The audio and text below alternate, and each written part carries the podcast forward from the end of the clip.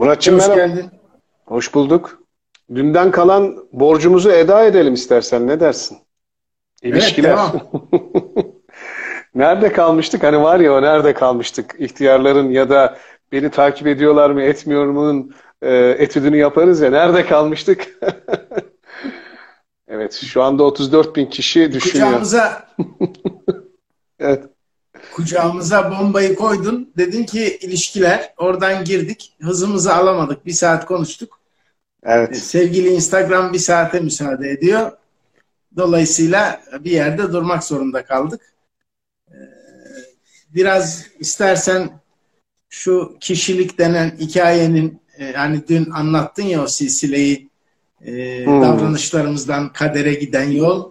Oradan başlayıp biraz çocukluk, biraz e, birey olabilmek. Oradan gelelim ilişkilere. Çünkü oradan gelmedin mi sonuçlarıyla ilgileniyoruz. Doğru. Halbuki süreç o sonucun var olmasında, belirlenmesinde son derece etkili. Bence biraz e, süreçten başlayalım. Sen devam et, ben gireyim. Şimdi e, önce o zaman birey olmakla ilgili konuyu bir etüt edelim ki senin de zaten sosyoloji e, alanına girdiği için e, tamamlarsın. Şimdi bizim en temel sorunlarımızdan birisi birey olarak kendimizi görüyor muyuz? Her şeyden önce birey dediğimiz şeyin kavramın arka planındaki olan bu manayı tanımlıyor muyuz?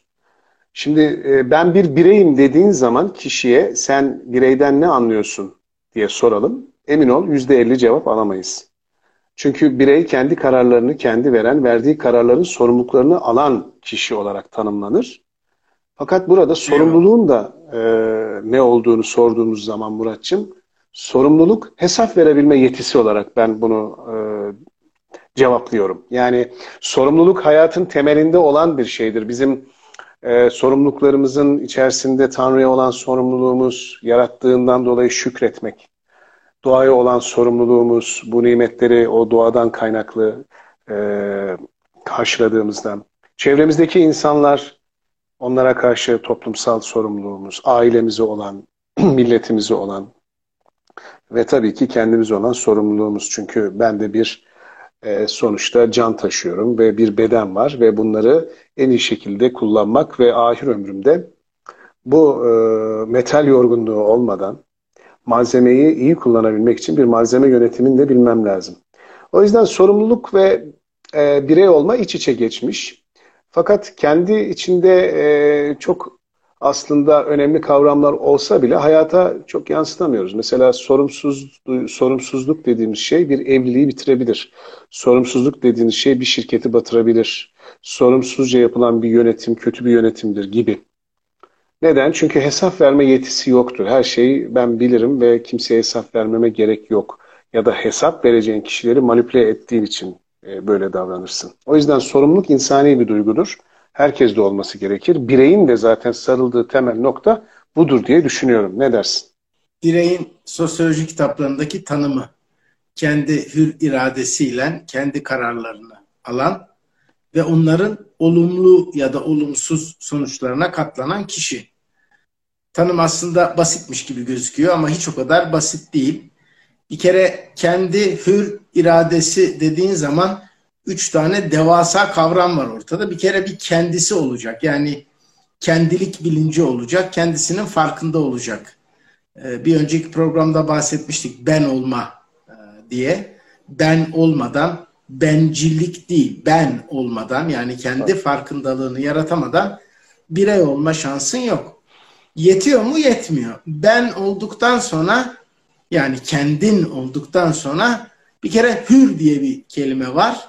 Yani bir özgürlük olması lazım. Bu e, kişinin de kullanmayı istemesi lazım. Ortamın da buna müsait olması lazım. Bazı ülkelerde, bazı toplumlarda, bazı e, topluluklarda illa bunun ülke olmasına gerek yok. Son derece özgür bir ülkenin içinde, içinde bulunduğunuz topluluk, buna e, cemaat diyebilirsiniz, aşiret diyebilirsiniz, grup diyebilirsiniz, klan diyebilirsiniz. Sizin özgürce düşünmenize ve hareket etmenize müsaade etmiyor olabilir.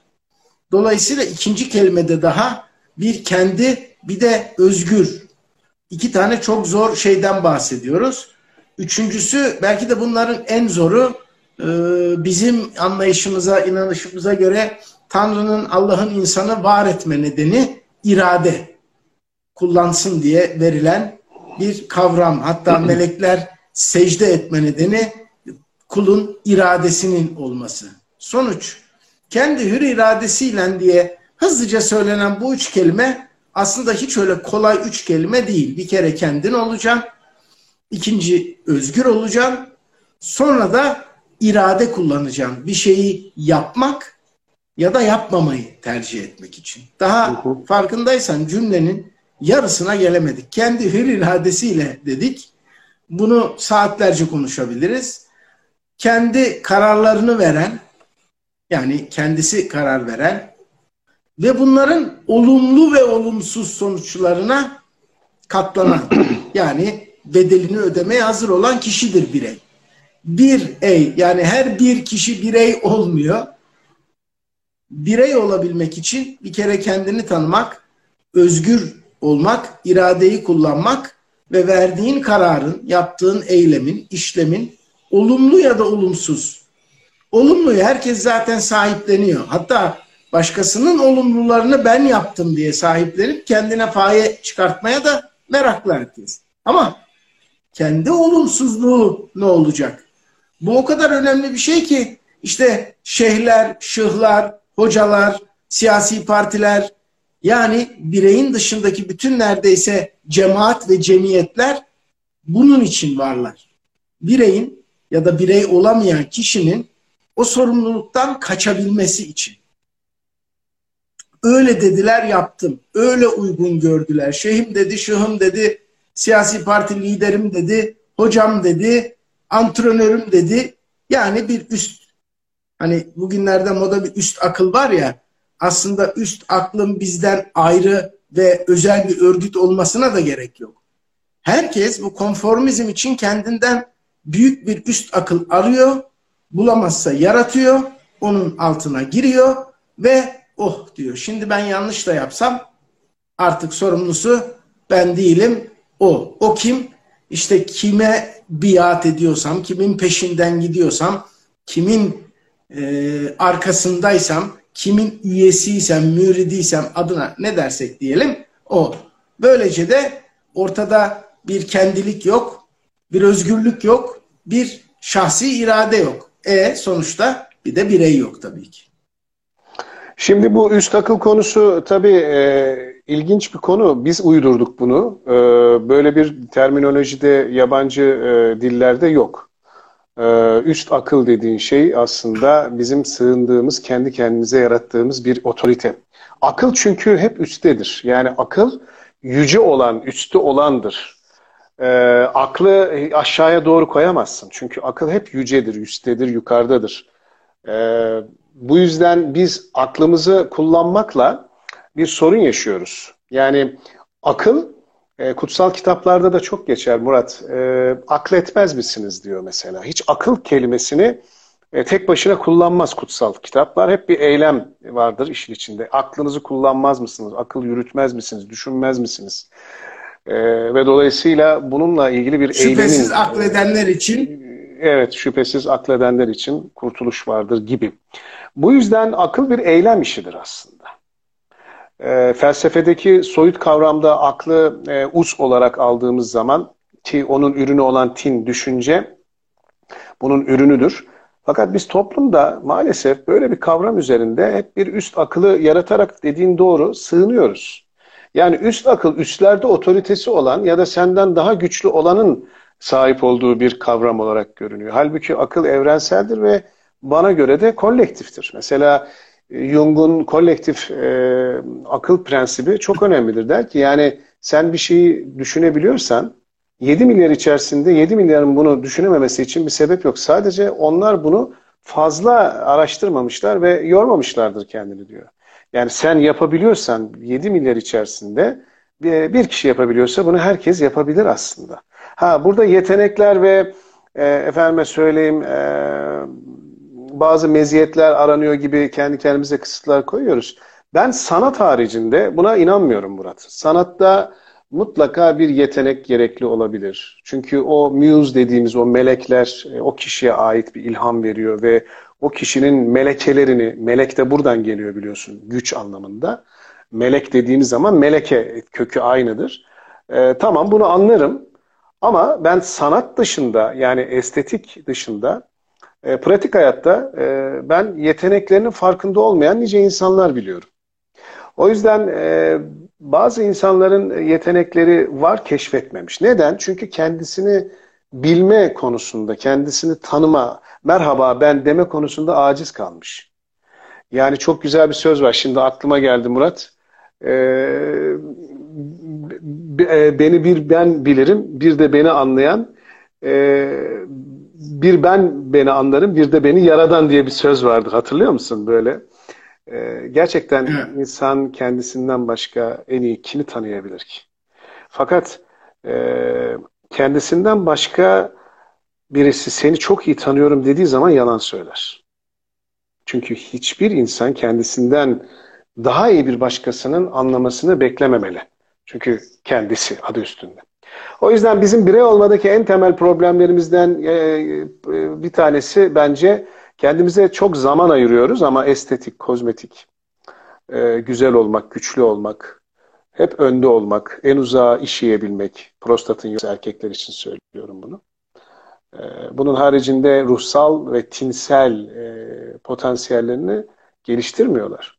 Yani şöyle düşün, Doğan Cüceloğlu'nun çok güzel bir sözü vardır. Hep o kaldı aklımızda. Kişisel gelişimi sevdiren kendisini bizzat tanırım. Ee, birkaç kez e, oturup sohbet etme şansımız olmuştu Doğan Hoca'yla. Hani mış gibi hayatlar diyor ya ne kadar doğru söylüyor. Yani aslında mış gibi bir hayat yaşıyoruz ve iz bırakmıyoruz. İşte bu izi bırakabilmenin en güzel yollarından birisi e, toplum içerisindeki birey olmanı e, kristalize edebilmek. Nedir kristalize edebilmek Murat? Biraz sana o konuda soru soracağım bir sosyolog olarak. Kristalize edebilmek şu, hangi meslekten veya hangi üretim alanında olursa olsun değer yaratmak diye düşünüyorum. Ee, burada mesleki bir hiyerarşiden bahsetmiyorum. Yani mesleğin e, en altında istersen emeğini satarak ya da istersen sermayeni kullanarak e, bir meslek sahibi ol. Yani işin sahibi ol ya da işçi ol hiç fark etmez. Önemli olan yaptığın işte bir değer yaratabiliyor musun? O yarattığın değer senin birey olman e, damganı temsil ediyor mu? Söz sende. Yani doğru söylüyorsun. Şuradan belki gelmek lazım. Dedik ya bireyin tanımında zor kelimeler var. Bir kere kendin olma bilinci. İşte demin senin söylediğin beni kim tanır diye. Ee, şimdi izleyenler için de basit bir test olsun. Ee, kişilikten bahsettik daha da edeceğiz. Bir de kimlik var yanında. Yani Doğru. aidiyet. Doğru. Kendini tanımladığın bir kavram. Şimdi kimlik doğası gereği e, bir farkla ortaya çıkan bir şey. Genellikle bir kimlik tanımlarken yani erkek dediğinde kadın olmayan diyorsun. Siyah dediğinde beyaz olmayan diyorsun. Gibi işte Türk dediğinde İngiliz olmayan diyorsun gibi bir farka karşılık geliyor. İnsanlar da kendilerini tanımlarken maalesef böyle tanımlar yapıyorlar. İşte kimsin? Mehmet Emmi'nin oğluyum. Kimsin? Hacıların Mehmet'in bilmem nesiyim. Kimsin? Sivas'ın bilmem ne koyundenim. Kimsin? Şimdi ya birinin bir şeyi ya bir yerli olmak. İşte e, e, Ahmet'in karısıyım, Fatma'nın kocasıyım, Ayşe'nin babasıyım, e, Hasan'ın abisiyim bir referans noktasından kendine bir e, şey yapıyor. Kimsin? İşte meslek mesela şoförüm. Yani dünyada seni tanımlayan tek şey şoförlük mü? Ya da dünyada seni tanımlayan tek şey profesörlük mü? Kimsin? Profesörüm. Yani bütün profesörleri tanımlayan bir kavram var mı? Kimsin? Murat'ım. Bütün Muratlar aynı mı? Hayır. Buna en zor soru aslında şudur. Dersin ki özellikle sen de ben de eğitimlerde kullanıyoruz. Kendinizi bir kelimeyle tanımlasaydınız o kelime ne olurdu? Hadi biraz insaflı olalım o kelimeyi üçe çıkartalım. Ama cümle yok yani. Üç tane kelime. Şimdi bunu hızlıca, çok düşünmeden, rahatça söyleyebilen insan kendini tanıyan insandır. Üç tane onu var eden çok önemli özelliğini bilen insan. Bu bile e, zannediyorum çok az. Çünkü bugüne kadar karşılaştığımız örnek hep oydu. E, belki olmadığından değil de üzerine düşünülmediğinden. İşte o kimsin sorusunun ikinci basamağında e, felsefenin de temel sorusu var. Ben bu hayata niye geldim? Benim görevimle, işimle ne yapmak için buradayım? Senin sorundan bağlarsak ne üretiyorum, ne veriyorum hayata, doğaya, etrafıma, çevreme? Yani oksijen tüketiyorum da bitki karbondioksiti alıyor, karşılığında oksijen veriyor. En azından gündüz, güneşi gördüğü zaman fotoselle. Kimisi koku veriyor, kimisi renk veriyor, kimisi meyve veriyor. Peki sen ne veriyorsun? Yani sen de aynı oksijeni tüketiyorsun. ızdıraptan başka bir şey ızdıraptan başka bir şey vermiyorum. Kederden başka bir şey vermiyorum. ne verdin ki dertten başka diye. Dertten başka. Uzayda Dolayısıyla, boşluk kaplıyorsun. Evet. Evet uzayda bir yer kaplıyorsun. Çok güzel. E, biliyorsun bir film merakım var. Çok da seyrederim. E, bir filmde şöyle güzel bir cümle vardı. E, you are not living, you are existing diyor. Sen yaşamıyorsun, sen varsın. Varsın, existing. Yani var olmakla yes. var olmakla yaşamak farklı bir şey. Sen evet oksijen tüketiyorsun, gözünü açıyorsun, birilerinin bir şeyisin. Birilerine bir şey ifade ediyorsun. Ne ifade ettiğini şu anda biz bilemiyoruz. Karakteri de tanımıyoruz. Sanal bir karakter üzerinden konuşuyoruz. Ama acaba hiç sorguladın mı? Sen niye buradasın? Ne yapmak için buradasın? Kime ne faydan var? hangi üretim ilişkilerin içindesin? Şeye gitmedim daha. Daha bunun uhrevi tarafı var ya yani öldükten sonra nasıl anılacaksın arkanda e, sıraya ya da parktaki banka kazıdığın isminden başka bir isim bıraktın mı? Onların Orada dışında, hemen bir şey söyleyeceğim. Bir şey söyleyeceğim. Aklıma geldi. Devam et ne olursun. E, topraklık dolmuş şoförleri ben Dede Efendi'de oturdum da toprakla e, giden dolmuş şoförleri vardı. Orada tabii gide gele arkadaş ediniyorsun e, ve o arkadaşlarımızdan bir tanesi de şoför arkadaşlarımızdan bir tanesi de şunu söylemişti. Hayatta iki şekilde anılırsın. Ya anılarınla ya da ananla diye o aklıma geldi de Murat. E, yani çok Kesinlikle doğru bir söz. Yani... Çok doğru bir söz. Kültürel motifin içerisinden çıkmış çok orijin hani e, işi biraz e, amiyane gibi gözükse de aslında yani ya kötü anılırsın, bizdeki kötü anılma malum biliyorsun argoda e, nasıl küfür edildiğini ya da anılarınla. Anıların çok estetik bir konu yani yaptığın güzel ortaya koymuş olduğun anılacak şeylerle anılırsın diye evet aklıma gelmişti. Buyur devam et. Yani kulağın kulağın kızardı mı ya da kulağın çınladı mı için rahat ediyor mu? ya dostlar beni andı mı diyorsun? Ulan biri benim arkamdan kulağı kızartıyor ama acaba evet. ne diyor mu diyorsun. Ne diyor acaba? Şimdi diyor. bu konuştuklarımızın hepsi birbiriyle bağlantılı. Birey olmaktan girdik sohbete. Hı hı. Evet. Dedik ki kendi hür iradesiyle kendi kararlarını alacak. E bu gökten zembille inen bir şey değil Ali. Yani bakıyorsun çocuk doğuyor. E, bir ailenin içine doğuyor. Diyelim ki aile onun üzerine titriyor. Yani kötü örnekler binlerce var, milyonlarca var ama biz iyiden yola çıkalım. Aile onun üzerine titriyor. Bir kere birinci yanlışımız şu. Biz çocukları hayatımıza ortak etmiyoruz. Varlığımıza ortak ediyoruz. Doğru. Yani yokluğumuza, acımıza, sıkıntımıza ortak etmiyoruz. Biz çektik onlar çekmesin diyoruz. Bu çeksin çekmesin olayı ilginç bir olay. Tabii ki e, ben zamanında açlık yaşadıysam benim çocuğum yaşamasın. Ama onun ne olduğunu da bilmek zor idareyi bilmek zorunda, tasarrufu bilmek zorunda, doğru kullanımı bilmek zorunda. İfrat, tefrit nedir? Bunu bilmek zorunda. Aman biz yaşadık bol bol olsun, çok çok olsun, önünde olsun dediğimiz zaman kıymet denen kavram pahadan bahsetmiyorum. Kıymetten bahsediyorum. Kıymet denen kavram bir tas çorbanın da bir kıymeti var, bir bardak çayın da bir kıymeti var. O kıymet kavramı ortadan kayboluyor maalesef sadece çayla çorbayla ilgili kaybolmuyor. Kıymet kavramı kaybolan insanın diğer insanlara karşı da o kıymet kavramı kayboluyor. Sadece çorbaya değil. O zaman insanın da kıymetini bilmiyor. Kaliteli bir sohbetin de kıymetini bilmiyor. Bir bardak kahvenin kıymetini, hatırını bilmiyor. Dostluğun hatırını, kıymetini bilmiyor. Böyle bir sıkıntı var. Ne yapıyoruz? Derdime ortak olmasın, iyi büyüsün. Çocuk tay tay tay yürüyor. Kafasını sehpaya çarpıyor. Anne babanın ilk işi eh eh diye sehpayı dövüyor. Sen benim çocuğumun kafasına nasıl çarparsın? Sanki çocuk emeklemiyordu, çocuk duruyordu, sehpa geldi, çocuğun kafaya evet. vurdu. Sorunu çocuğun Şimdi dışında çocuk aramasını... benim, evet. Benim diyor çocuk, biz kabahatim yok, sehpanınmış kabahat. Okula evet. gidiyor, dersini yapmıyor, kırık not alıyor. Niye aldın? E öğretmen bana taktı. Kahrolasıcı öğretmen. Çocuk diyor ki bak yine benim suçum yokmuş. Öğretmeninmiş. Birine aşık oluyor kız ya da erkek. Anlaşamıyorlar, ayrılıyor, geliyor, ağlıyor, sızlıyor, içiyor, bir şeyler yapıyor. Ne oldu? Kız beni terk etti ya da adam beni terk etti. Eh işte zaten sana layık öyleydi, böyleydi. Çocuk diyor ki ha yine benim bir suçum yokmuş. İşe giriyor, patron bana taktı. Evleniyor, işte eşim ya da onun ailesiyle gibi. Hayatı boyunca bilakis ve bizzat ailesi tarafından her tür sorumluluktan korunan bir varlık yetişiyor.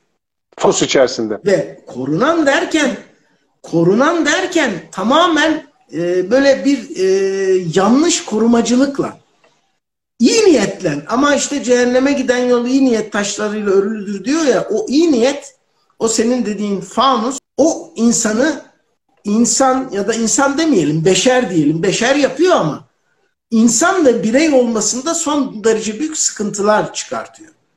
Hiçbir sorumluluk almıyor. Hep başkalarının suçu, başkalarının günahı. O zaman zaten otomatikman bir başkasını bulma eğiliminde.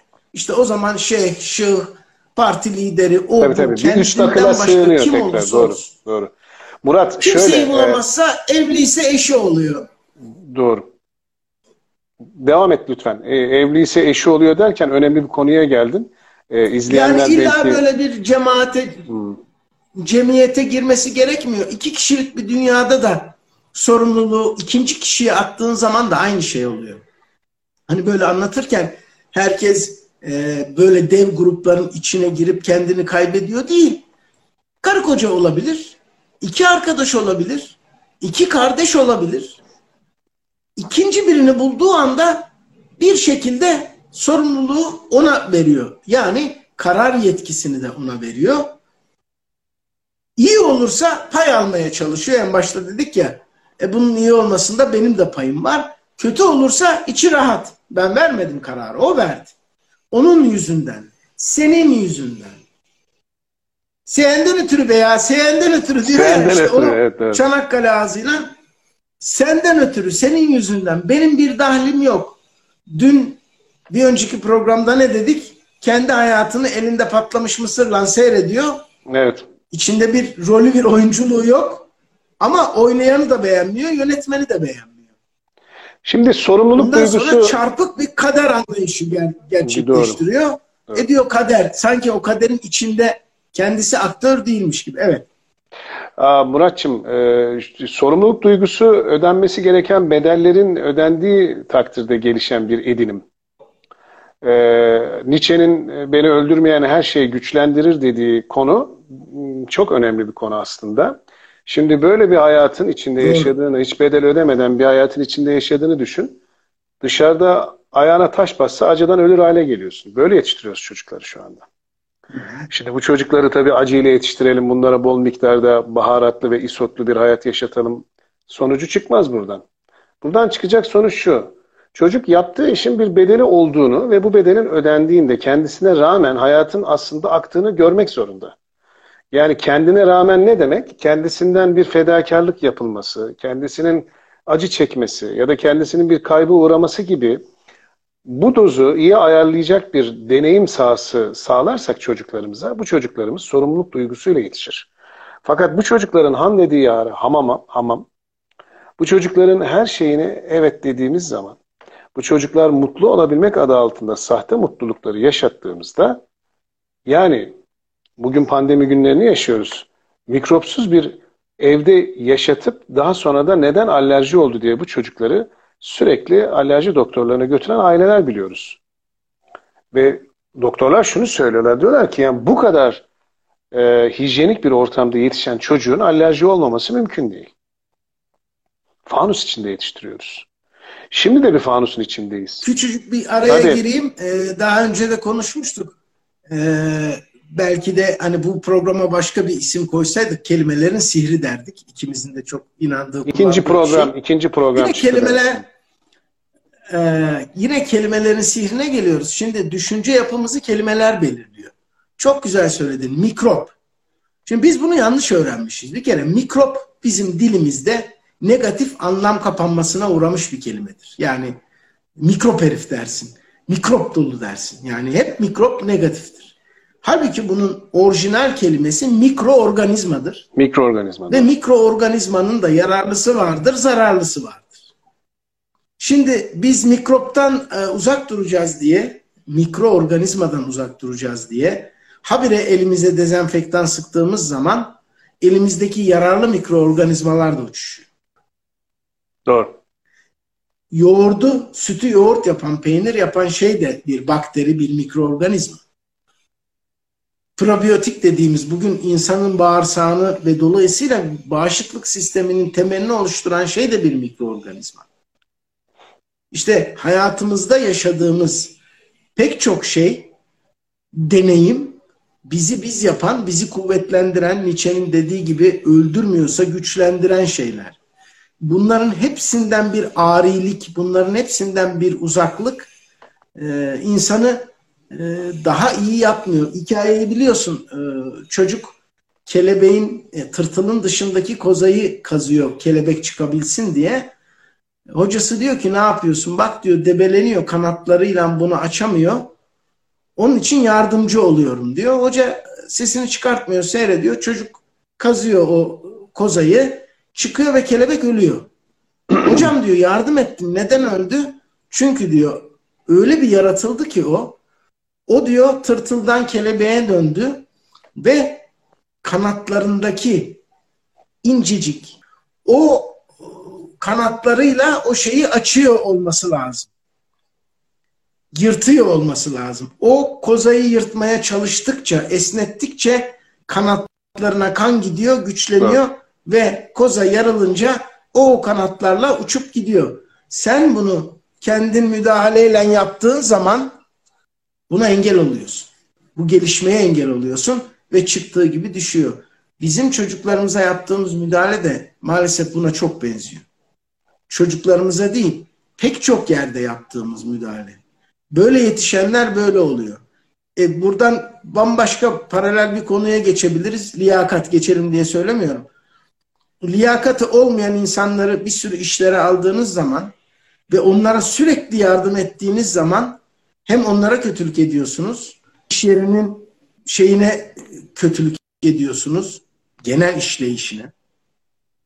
Doğru değil mi? Doğru. Ve bütün işleyiş bozuluyor. Murat, e, mikroorganizmalardan bahsedince ben de biz insanlar makroorganizma oluyoruz makroorganizmanın yaptığını mikroorganizma yapmıyor bu kötülüğü. Makroorganizmaların yapmış olduğu doğaya ve kendisine yapmış olduğu kötülüğü bir mikroorganizma yapmıyor. Bugün pandemiden ya da falan yani bütün bu grip salgınından ölen insanların sayısını topladığın anda insanların kendi hırs, ego ve müktedir olma hırsından kendi cinsini öldürme sayısından çok daha az olduğunu görüyorsun. Yani bugün Kesinlikle. insan hırsı e, ve egosu ve sahip olabilme, tüketme ve hükmetme duygusu. Hani geçenki toplantıda söylediğim şey, e, konuşmamızda söylediğim şey şuydu. İnsan e, hırs, saldırı ve savunma mekanizmaları üzerinde yaratıldı. Ama bu yaratılışın arka planında bir vicdan, bir merhamet, bir adalet duygusu gibi ahlaki unsurlar da vardı. Kant'ın e, söylediği şey ne kadar güzel değil mi? Diyor ki iki şey diyor hayret içerisinde ve beni hayran bırakıyor. Biri başımın üzerindeki gökyüzündeki yıldızlar, diğeri ise içimdeki ahlaki yasalar diyor mesela. Şimdi biz e, makroorganizma olarak kendimize ve doğaya yapmış olduğumuz bu kötülüğü, mikroorganizmaları onları mikrop deyip kaka yaparak ortaya koymamalıyız. Bu mikroorganizmalar hayatın bir parçası. Yararlısı, zararlısı. O zararlı olanın da bir görevi var, bir misyonu var. Biz düşünmeliyiz bu zararlı olan popülasyon neden arttı? Neden bu şu anda yeni bir kimlik, yeni bir DNA ile çıktı? Bu kimliklere getireceğim şimdi konuyu da o yüzden insan kimliğine, kişiliğine getireceğim. Çünkü sen doğanın dengesini bozdun.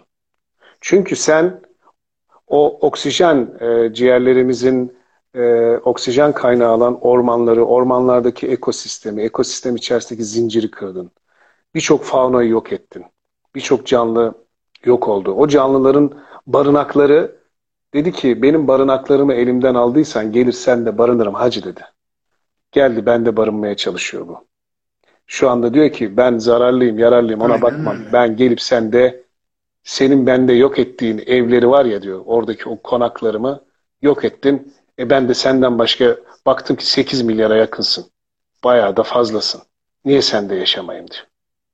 Sonra kalkıp bunun ucunu efendime söyleyeyim bunu fazla e, bir e, dramatize etmek ya da insanlara ders verir niteliğinde hacısı, hocası, bilim hocası da dahil olmak üzere kalkıp bir şey bağlamanın bir anlamı yok. Ortada sonuç ya. Bir şeyin bedelini ödüyoruz. Niye? Sorumsuzluğun bedelini ödüyoruz. Çünkü insanlık dediğin şeyin içinde sorumluluk vardır ama insan dediğin şeyin içinde sorumsuzluk da olabilir. Çünkü insanlık sorumluluğu ortaya koyan bir kavramdır, bir anlayıştır. İnsanlıktır yani merhameti, adaleti, iyiliği, aklı olan bir e, kavramı ortaya koyarken insan dediğin zaman tikel, yani baktığın zaman olaya tümel değil de tikel baktığın zaman e, o sorumsuzluk duygusunun e, şu anda bedellerini ödediğini görüyorsun insanın. Ben kişilik e, konusunda bir şeyler evet. söylemek istiyorum. Şimdi üç tane e, yere basan aslında e, ayaklarımızla e, bunları yere basıp üzerinde dikelmeye çalıştığımız, ayakta durmaya çalıştığımız yapılar vardır. Birisi e, kimlik yapılarıdır. İkincisi kişilik yapılarıdır. Üçüncüsü ise kendilik yapısıdır. Yani kişilik, kimlik ve e, kimlik, kişilik ve kendilik yapıları üzerinde ayakta durmaya çalışırız. Hangisinde daha çok baskı var ayakta durduğumuzda? Hangisine daha çok dayanıyoruz? Şu anda kimliklere dayanıyoruz Muratçım. Yani herkesin bir kimliğiyle e, yaşadığını görüyorsun. Hani biraz önce söyledin ya profesördür, hacıdır, hocadır, zengindir, fakirdir, işçidir. Sen benim kim olduğumu Sen biliyor musun abi? Heh, işte oraya getireceğim konuyu. Kavgada bile sen kimsin diyorsun ya da üstünlük kurmaya çalıştığında sen benim kim olduğumu biliyor musun? Sen kimsin be dediğin zaman zaten hani adam şöyle demiyor yani ben 1966 Ayaş'ın e, Sarıkamış bölgesinde doğmuş birisiyim demiyor adam yani. Bir anda cevap vermiyor. Ben şuyum diye bir cevap vermiyor ama sen kimsin diye kavgada ciddi bir soru var. Yani böyle bir mesela kavgada birisinin cevap vermesi lazım. Ben yani Ahmet'ten e, olma, Seher'den doğma, Ali İsmet Koçan desen herhalde o anda o kavgada bir şaşkınlık dönemi geçirir. O senin üzerine gelen adam. Ne oluyor abi falan der yani. Hiç beklemedi yani. Sen kimsin diyorsun ya böyle hani. Veya sen benim kim olduğumu biliyor musun? Bilmiyorum abi. Sen kimsin diye sor mesela. Hakikaten bunu çok güzel bir şekilde sor. Abi bilmiyorum çok özür dilerim. Allah benim cezamı verseydi. Ben senin nasıl kim olduğunu bilemedim. Allah benim bin türlü belamı falan diye başlasam mesela o anda o aksiyonu durdurursun. Niye? Çünkü aksiyon gidişleri hep aynıdır. Yani o soruya karşılık bir mutlaka bir darp vardır. Karşı aksiyon reaksiyon oluşturursun. Akıllıca bir hareketle, akıllıca bir soruya karşı cevap ya da bir soruyla mesela o akışı akılla durdurabilirsin. Çünkü kimlikler akılsızdır. Kimlikte bir akıl yoktur, duygu yoktur. Kişilikte duygu vardır. Aşırı duygudan dolayı da herkes kişiliklerini ön plana koyar ve onun arkasına sığınır. Ay ben biraz heyecanlıyım. Çok kusura bakmayın sizi rahatsız ediyorum. Heyecanımı mazur görün. Bu yüzden hata yaptım. Şu anda duygusallığı ya da çok e, bu konuda kendi kişiliklerini ön plana koymuş. Ben var ya ben şu dağları tepeleri var ya işte diyen hani kendi kişiliğini ortaya koyup da diğer kişilikleri yok sayan bir egoizme doğru giden, egosantrizme doğru giden bir kişilik pompalanması. Bunun üzerine de dayanarak dikelmeye çalışırız hayatta. Yani Homo erectus'un erectus kısmından hareket ederek çıkarız. Ama en az bastığımız, hayatta aslında üzerinde durmaya çalıştığımız en çok baskılamamız gereken olan bir alanı, bir kareyi kendiliği unuturuz. Ya sen kendin ol kardeşim. Sınırlarınla, ölçünle kendin ol. Yani niyet, samimiyet, bilgi, beceri, donanım, sorumluluk duygusuyla hareket et. Hayatın DNA kodu bu. Sosyal kodları bunun üzerine. Yani önce her şey niyetle başlar. Senin niyetin, samimiyetin ne ölçülü mü? Bak kendilik dediğin şey kişinin kendine en yakın olma mesafesidir. Ben çok kendime yakınım. O zaman samimisin demektir. Mesela en çok e, bizi tedirgin eden şeyler nedir? Samimiyetsizlik. Nedir samimiyetsizlik? Kişinin kendine yakın olmaması. Sen bilirsin mesela tiyatrolarda hep bu persona kullanılırdı. Personality oradan geliyor değil mi? Persona dediğin nedir? Tiyatroda, antik Yunan tiyatrosunda yüz maskeleri vardı. O yüz maskeleri gülen, ağlayan Masklar. masklar vardı. O masklardan insan yüzünden bir figür ve onun e, arka planında jest ve mimiklerle sahnede oyun oynanırdı ve, per, perso ve personal dediğimiz ya da personality dediğimiz şey aslında yüzümüzdeki maskelerdir. O yüzümüzdeki maskeyle içimizdeki aslında baskıladığımız duygular yani kendi olma potansiyeli arasındaki bir kod farkı buradaki bu anomali insanı hasta yapıyor. Patoloji dediğimiz şeyde doğa pato bunu, dediğin şey evet doğa bunu doğa, doğa bunu gördü ve e, madem dedi siz maskenizi çıkartmıyorsunuz sizi sürekli maske takmaya mahkum edecek bir salgınla. Güzel. Şimdi benim ilginç, ilginç teorilerim var. Çoğunu bir tek sen biliyorsun. Bazıları yaygın. Bunlardan birisi kadınlar kedi, erkekler köpek hikayesi. Ee, burada derinine girmeyeceğim. Sonra başka bir programda konuşuruz. Hani kişilik yapısı e, gereği kadın hareket ve tavırlarının e, bir şeye benzeyecekse kediye, erkeğinkinin de köpeğe çok benzediği üzerinde bazen sohbet ederiz. Şimdi demek ki benden önce bunu e, Orta Çağ'da başka birisi keşfetmiş. Nereden geldin buraya diyeceksin. Biraz önce doğanın dengesi bozuluyor. Doğa da madem bana yer kalmıyor sizde konaklarım dedin mi? Doğru. Hatırlayalım. Ee, biz yılanları öldürdüğümüz zaman tarlalar fare doluyor. Çünkü o fareleri yiyen yılanlar var. Biz kuşları bir kuş gribi icat edip itlaf edince bir sene, bir buçuk sene geçmeden ne oldu? Kene. Kırım, Kongo. Kongo kanamalı kene, kene. geldi. Neden kene? Evet. Ya bu keneyi birisi uçakla mı attı? Hayır, kene vardı. Ama tavuk, kuş ve benzeri kanatlılar bu canlılardan beslendiği için bunlar evlere en azından bu hayvanların beslendiği yerlere ve açık alanlara bu kadar yayılamıyorlardı. Popülasyonların nüfusları da bu kadar gelişmiyordu. Evet. Orta çağ ve benim teoriye nereden geldik? Şuradan geldik. Benim kedin ve kedi ve kadın arasındaki Catwoman bağını Orta Çağ'da kilise de keşfetti ve iki şeye savaş açtı. Kadınlara ve kedilere.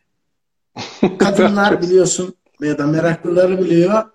Salem özellikle e, örneğiyle anlatılır ama Orta Çağ'da bütün Avrupa yüzeyinde bir cadı avı başladı. Hmm. Cadı avı bugün bizim ona verdiğimiz isim.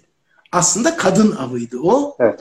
Benim, varım, bireyim diyen yani sesini çıkartabilen, becerisi olan kim genellikle de sağıltma becerisi yani ilaç e, ve e, hastalıklara iyi gelen bir takım şifalı otlar bilgisi bunların hepsinin peşine düştü. Çünkü sattıkları bir mit vardı.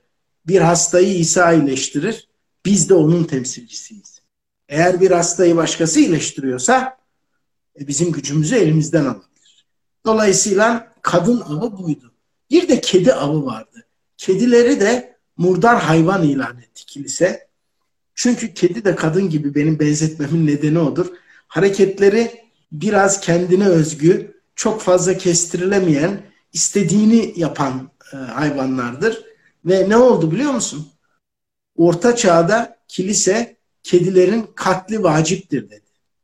Ve binlerce, on binlerce kedi öldürüldü ve doğada vebalı farelerle kiliseye teşekkürlerini sundu. Allah Allah. Orta Çağ'daki Avrupa'da yaşanan vebanın en büyük müsebbibi farelerdir. Doğru. Şehirlere vebayı taşıyan Farenin şey. Üzerindeki ve şehirlerde bunun olmasının evet. en büyük sebebi adını e, şu anda hatırlayamıyorum. Bonifacius mu bilmem kaçıncı bulurum bir dahaki programda söylerim. Papa'nın kedilere takıp bunların neredeyse başına ödül koyup bunları öldürün demesiydi. Yani doğa senden bir şekilde yaptığın hareketin cevabını sana ödetiyor. Senden onun hesabını soruyor. Buna ister doğa de ister tanrı de ne dersen de ama bir denge var.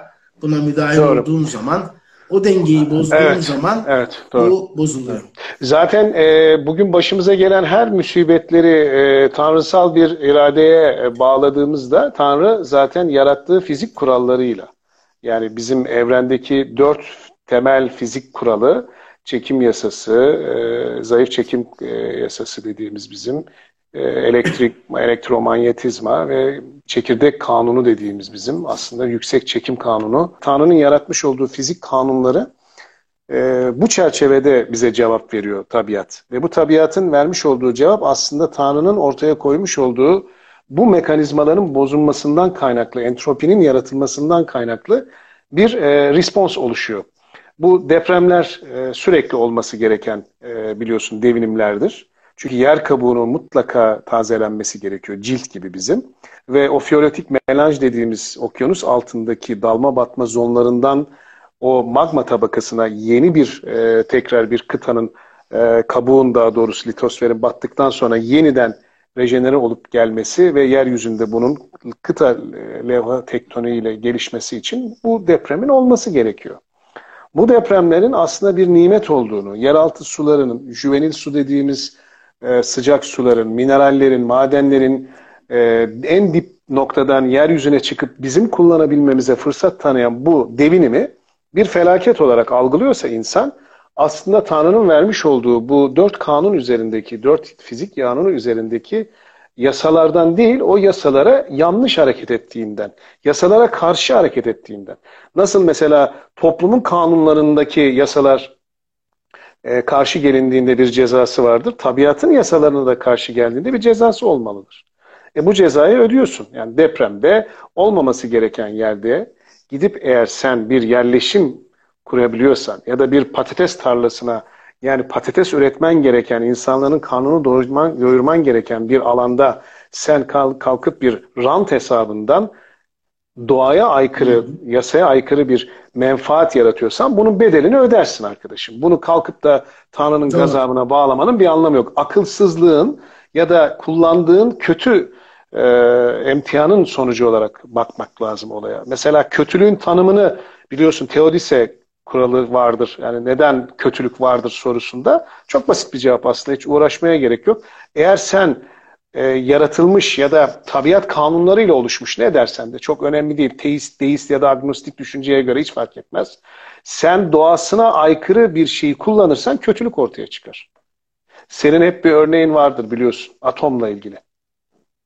Yani atom bombası dediğin şeyi aslında insanoğlu atomun vermiş olduğu enerjiyle milyonlarca insana ışık, enerji, ısı olması gereken bir enerjiyi ama iki yerde insanlığı yok edecek bir bomba haline de getirebiliyor. Ya da elindeki bir neşteri bir yarayı temizlemek ya da bir yarayı almak için kullanabilirken bir gün e, insanın tabii ki canını almak için de kullanabilirsin. Doğasına aykırı kullandığın, evet, en... formatına aykırı kullandığın her şey kötülüktür. Evet Murat en bilindik şey ya işte Nobel ödülü. Dünyanın en prestijli ödüllerinden biri.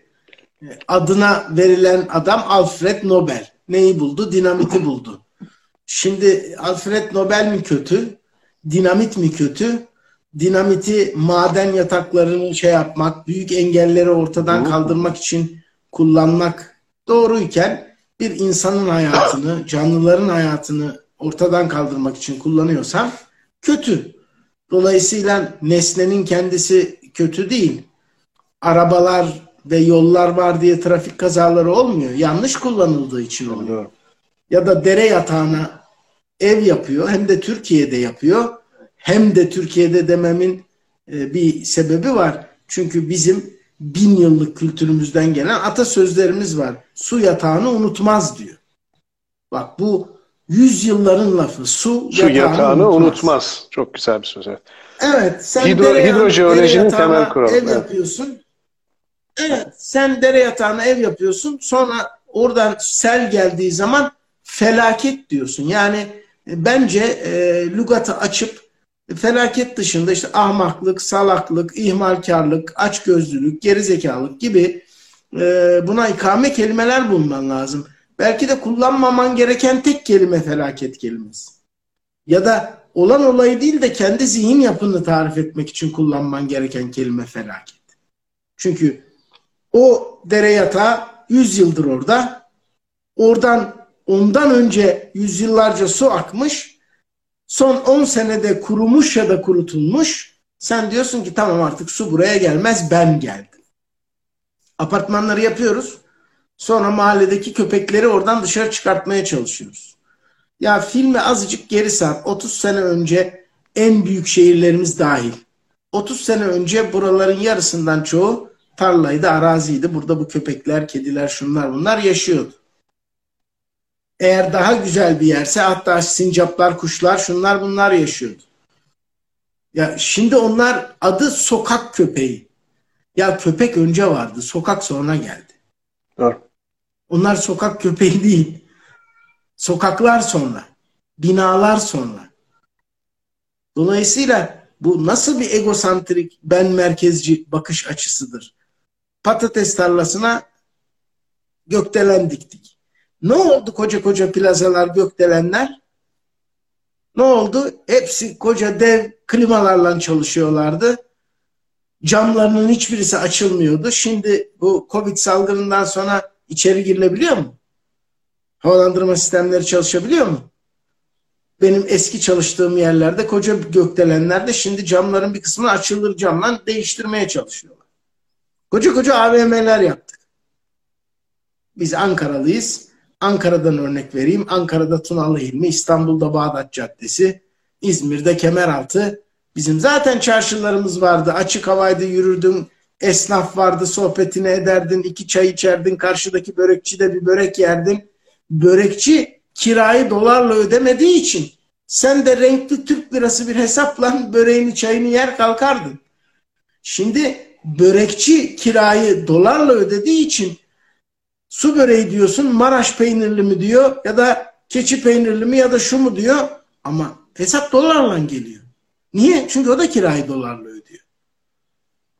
Nerede yapıyorsun bunu? Yaklaşık 10 bin kişinin hafta sonunda aynı anda geldiği ve e, sağdaki havayı sola veren, camları açılmayan bir yerde yapıyorsun. Efendim yürüyen merdivenlerin e, yanlarını tutmayalım. Covid'e karşı önlem. Ya kimse şu soruyu sormuyor. Arkadaş benim hayatımda niye yürüyen merdiven var? Yani bana ne lazım yürüyen merdiven? Türkiye'ye artık uçağa binmeye de gerek yok. Google Maps'ten şuradan buradan bir bakın yerleşim yerleri arasındaki boşluklara. Hepimiz gelmiş iç içe toplanmışız. O kadar ilan nihai yer var. Tunalı'dayken, Kızılay'dayken yürüyen merdiven mi vardı? Ha, nerede çok ihtiyacın olur? Toplu taşıma vardır. Herkese hizmet etmek için. Yerin altında metro vardır. Metro yerin 40 metre 50 metre altındadır. Orada insanlara kolaylık olsun diye bir yürüyen merdiven olur. Eyvallah. Hatta engelliler için bir de asansör olur. Ona da eyvallah. Ama yürüyen merdivenin kenarına tutma. AVM'lerde şunu yapma. Kimse bir adım öncesinin sorusunu sormuyor. Niye bu AVM var? Ben niye buraya gidiyorum? Niye burada yürüyen merdiven var? AVM'deki asansörle mi yürüyen merdivenle üçüncü kattaki adını söylemeyeceğim egzersiz merkezine çıkıyor. Ya zaten merdivenden üç kere çıksan oraya aidat ödemene gerek yok. Öyle değil mi? Yani food court'a gidiyor, hamburger yiyor, e, escalator denilen yürüyen merdivene biniyor ve üst kata çıkıyor. Ne yapıyorsun? Fitness'a gidiyorum. E, biraz önce az fiteydin, bunları yaşamayaydın. Yok. Anlatabiliyor muyum? Böyle değişik bir mantık, böyle değişik bir hayat.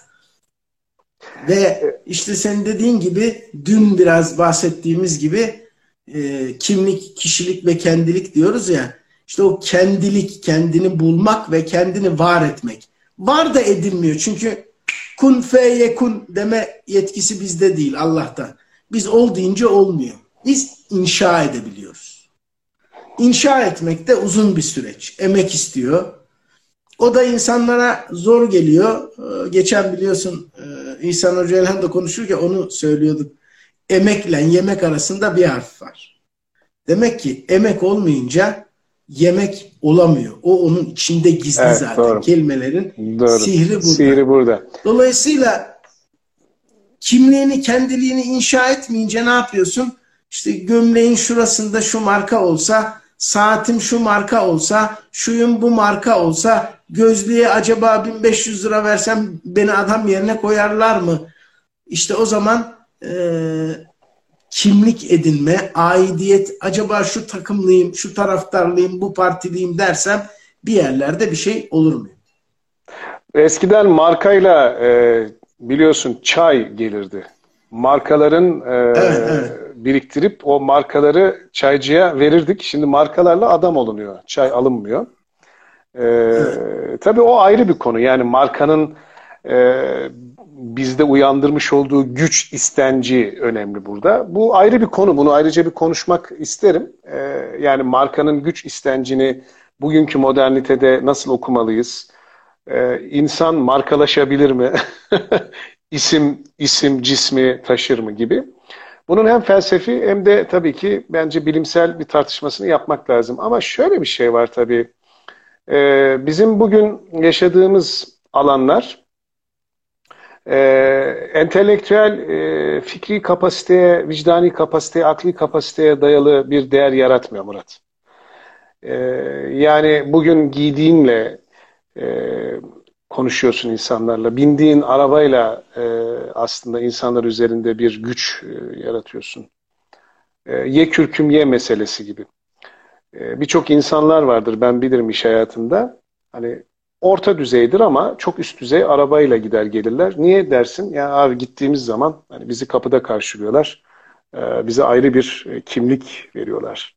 Böyle bir değer veriyorlar diye. Bindiği arabayla e, yaptığı işi ölçüleyen, kullandığı aksesuarla bir aslında perspektif çıkaran bir paradigma oluştu ve bu paradigmalar tabii daha sonra da aldırtılmaya, kandırılmaya, manipülatif bir takım şeylere de zemin hazırlıyor. Bunlar da güzel oluyor bence çünkü e, bu tür şeylerin üzerine kurgularsan e, düşüncelerini ya da temel yapıları e, bir gün bunların her birinin de aslında kağıttan birer kale olduğunu anlarsın. Önemli olan vicdani, akli bir kapasiteye sahip olabilen insan kendini ne kadar üretebiliyor bu hayatta. Yani etkili üretim kapasitesi denen işletmede bir kural vardır. Etkili üretim kapasitesi şu. Senin kapasiten yüzdür ama otuzunu kullanıyorsun. Demek ki etkili üretim kapasiten yüzde otuzdur. Ben diyorum ki senin vicdanın yüz. Senin vicdanı etkili kullanma kapasiten ne? Hocam. Senin şu anda akli kapasiten yüz. Ortaya koymuş olduğun bir bile. Yani şöyle diyelim mi? Şöyle bir örnek diyelim mi ona Ali? Tabii örnek Yatağa diyelim. yattığın zaman, kafayı yastığa, yastığa koyduğun zaman o sana o gün boyu yaptıklarını anlatan iç sesin vicdansa eğer o yüz. Ama senin onu gerçek hayata geçirme yani ertesi gün uyandığında onun ne kadarını dinleyip hayata geçirdiğinde senin Tabii. kapasiten. Kapasiteyi ortaya birbirinden farklı bir şey. Tabii. Yani şöyle düşün mesela son 5 yıl içinde kime iyilik yaptın diye sor insanlara. Vicdani kapasite etkisini görebilirsin yani. Ya son 5 yıl içinde kime iyilik yaptın? Şöyle Kim, sor ama. Kimden kastım? Şöyle ee, sor Ali. Son 5 yıl içinde kime göstermeden, belli etmeden, başına kalkmadan ha doğru. iyilik yaptın. İyilik. Zaten iyiliğin tanımını yaptın sen şu anda e, iyiliğin tanımını yaptın. E, rahmetli e, Eflatun eğer kalksaydı seni alnından öperdi. Çünkü iyiliğin tanımını o şekilde yapıyor Eflatun. Son 5 yıl içerisinde senin söylediğin kriterlerde kime derken bu insan ya da cinsinin dışında olan şu dışarıdaki zavallı hani bizler için yaratılmış yüzümüze bakıp e, kendisini ifade edemeyen e, bir tek karnını doyurma ve üreme fonksiyonundan başka e, bize emanet edilen canlılar da dahil. Murat. Buradan bir cevap alamıyorsun. Yani şöyle bir şey var. İnsanlar iyiliği şöyle tanımlıyor. Ben buna çok karşıyım. Benim kimseye kötülüğüm olmadı ki. Ben iyiyim. Bir insan kendisini benim hiç kimseye bir kötülüğüm olmadı ben iyiyim diyorsa o iyi değildir. Kim söylüyor bunu? Hangi filozof söylüyor bunu? Immanuel Kant. Diyor ki iyilik böyle bir tanımlı olmaz. Bak ahlaki yapı diyor böyle olmaz kardeşim. Ahlaki yapı senin bir şeyi gözeterek yaptığın bir şeyse bu ahlaklı değildir diyor. Bir şeyi gözetmeden, bir şeyi elde etmeden yaptığın doğasal refleks olarak ortaya koymuş olduğun ve sana rağmen sana belki de zarar verecek bir şey yapabiliyorsan bu bir ahlaki eylemdir diyor. Ve bu biliyorsun e, kategorik e, emparatif dediğimiz bizim ödev ahlakı dediğimiz şeyi ortaya koyan Immanuel Kant bu konuda çok güzel bir tanım yapıyor. Ben de diyorum ki ya arkadaş sana rağmen hayatta kime iyilik yaptın ya? Yani son beş seneyi falan geçtim. İyiliğin tanımını sana bırakıyorum. Yani Yılan bana dokunmadıkça ha, diyor. Ben bin yıl beni sokmasın. Bin dolayısıyla yıl yaşayabilir. İşte şuraya geliyoruz. Ee, geldiğimiz nokta şu. Üç tür insan var. Bunu ben demiyorum. Bunu, bunu kutsal kitap söylüyor. İyi, pasif iyi, kötü. Üç tür insandan bahsediyor Yaradan. İyi, bahsettiğimiz iyi. Yani çok az, demografik olarak da çok az. Bugün de öyledir. İyi diye tanımladığımız insanlara bak yüzdesi olarak yüzde üç beş geçmez yani. Üç beştir yani. Bak kötü dediğin de o kadar. Kötü dediğin yani başkalarının mutluluğundan rahatsız olan, başkalarının yani kötüyü nasıl tanımlayarsın? Birisinin mutluluğundan mutlu olan e, iyidir değil mi? Başkalarının mutluluğundan. Evet son 30 saniye uyarımız evet. geldi. Evet. Bağla bu bölümü Şöyle bitirelim. sorun sorun kötülerde ya da iyilerde değil. Sorun pasif iyilerde.